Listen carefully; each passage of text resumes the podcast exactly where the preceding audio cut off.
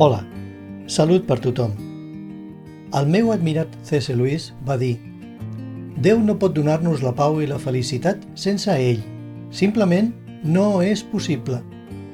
Un altre erudit, en aquest cas el filòsof grec de l'escola estoica Epictet, va dir La felicitat consisteix en ser lliure, és a dir, no lligar-se al desig de posseir béns.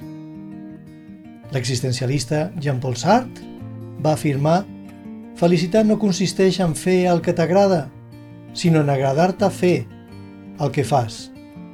Són només tres formes d'entendre la felicitat. Dels, de, de, de molts centenars d'opinions que podrien cotsar sobre aquest mateix concepte. Si la felicitat és tangible, Aristòtil tenia raó quan deia que la felicitat era el màxim bé de la vida. Això sí, si només és un sentiment, es tracta d'un caprici que de vegades es deixa sentir i de vegades és com un peix en llibertat que per molt que l'intentem agafar, se'ns resisteix.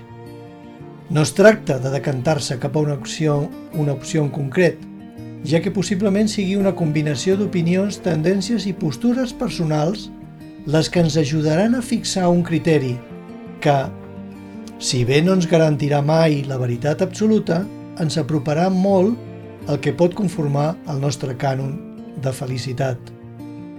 Així, ens la farà més personal i pròpia aquest concepte tan debatut i canviant segon el temps en què vivim i l'edat que tenim cadascú. Hi ha dos dites jueves relacionades amb la felicitat, recollides al llibre de proverbis de la Bíblia. La primera declara «L'home tortuós no trobarà la felicitat». La segona ens condueix a l'antítesi de l'anterior, dient les persones íntegres tindran la felicitat com a herència.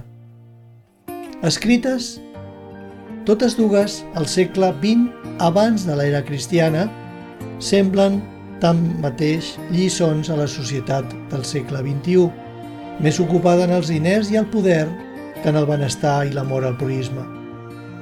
I acabo no vull caure en la pedanteria de portar la meva opinió com a veritat o inqüestionable, així que deixo aquesta reflexió amb una pregunta.